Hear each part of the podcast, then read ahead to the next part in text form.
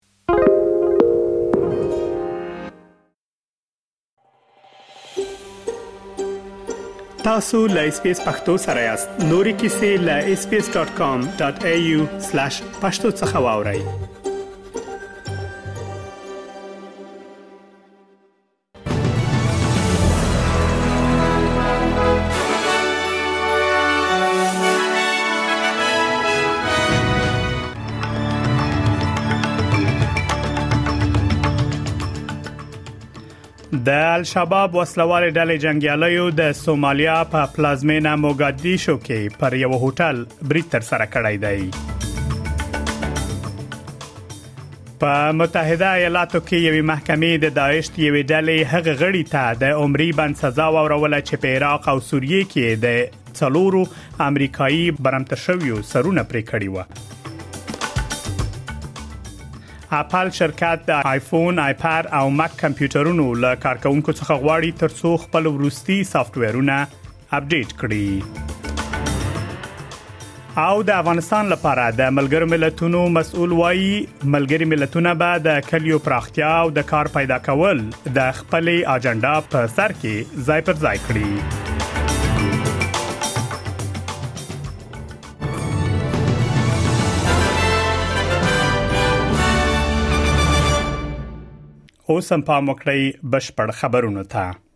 د الشباب وسلوالې ډلې د سومالیا په پلازمینه موګادیشو کې د یو هوټل مخې ته دوه د موټر بم چاودنې تر سره کړي او ودانۍ ته لننوتلو مخکې پر خلکو دزې بل کړي دي د دغه ډلې لخوا په یوې خبرې شوې اعلامیه کې راغلي چې دوی په حیات هوټل کې پر ټولو خلکو دزې کوي د سومالیا وسلوال ځواکونه په یاد هوټل کې له جنگیالیو سره پر جګړه بوخت دي د الشباب ډلې له یوې لسیزې راځي د سومالیا د حکومت د نسکورولو لپاره مبارزه کوي په متحده ایالاتو کې یوې محکمې د داعش د یوې ډلې هغه غړي ته د عمرې بند سزا وروله چې په عراق او سوریه کې د څلورو امریکایي برمته شویو سرونه پرې کړی و بریټانوي الشفی الشیخ د دې ډلې تر ټولو بدنامه او لوړ رتبه غړی دی چې د متحده ایالاتو په محکمه کې محکوم شوی دی خبريال جیمز فولی یو له هغو امریکایي برمته شویو کسانو څخه و چې سر یې پرې شوی و د هغه مور ډیان فولی د عمرې بند هرکلی کړی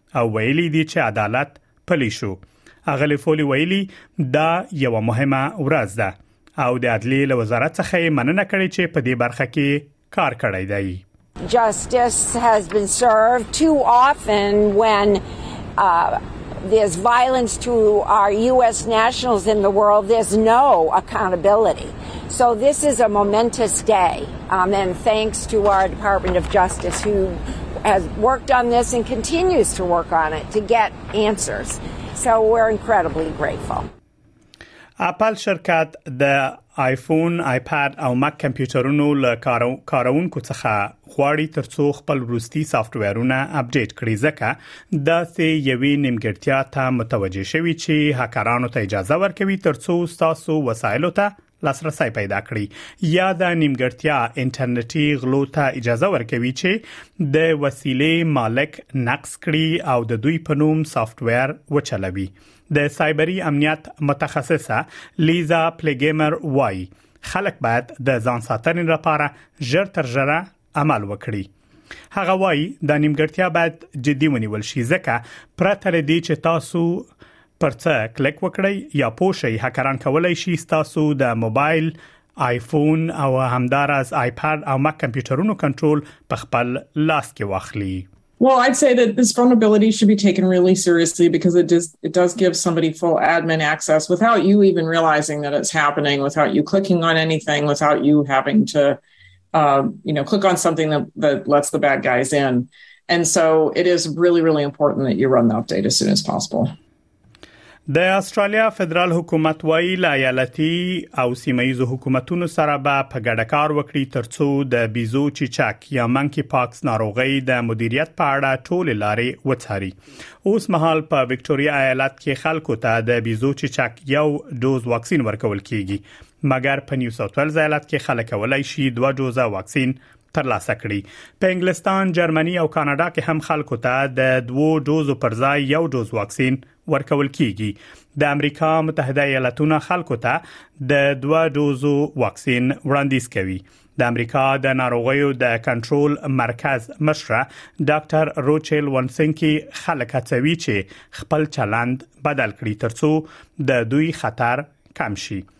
هغه وای موږ په دې اړه زده کړه کوو چې واکسین د بيزو چچک پر وړاندې څومره ښه کار کوي هغه زیاتوي څومره چې تر دې د مپوهيږي هغه دا ده چې له دویم ډوز څخه دوه ونې وروسته محافظت تر ټولو لوړې کچې ته رسیدي We're learning how well these vaccines work against monkeypox and in this specific outbreak. Although we anticipate vaccines will provide protection, temporarily reducing or avoiding behaviors that increase your risk of monkeypox exposure is important, especially between your first and second doses of vaccine. From what we know right now, we expect protection to be the highest two weeks after the second dose of the vaccine.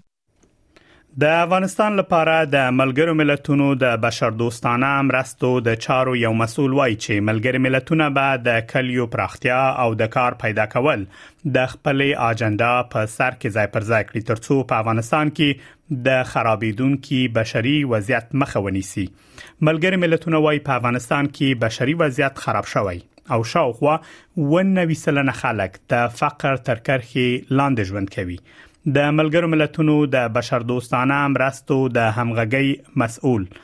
رامز الکباوروف وای افغانستان یو غریب هیواد دی چې د پرمختګ کچه یې ټیټه ده ملګری ملتونه غواړي په دغه هیواد کې د بشري او اقتصادي بحرانونو د حل لپاره د کلیو پر پراختیا او بزګرانو لپاره د کار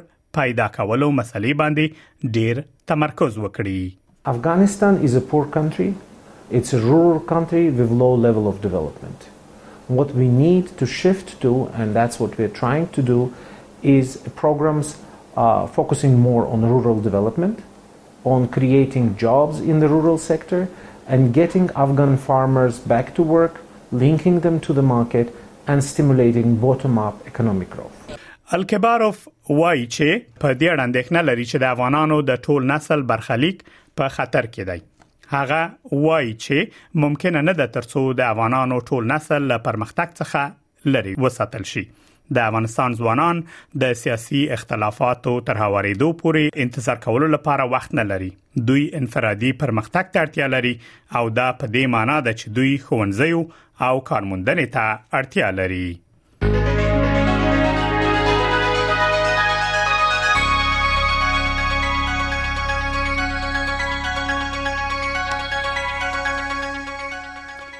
اوس هم پام وکړئ د هوا حالاتو ته په سیدنی کې نیمه ورځ د باران امکان شته د تودوخه لوړه درجه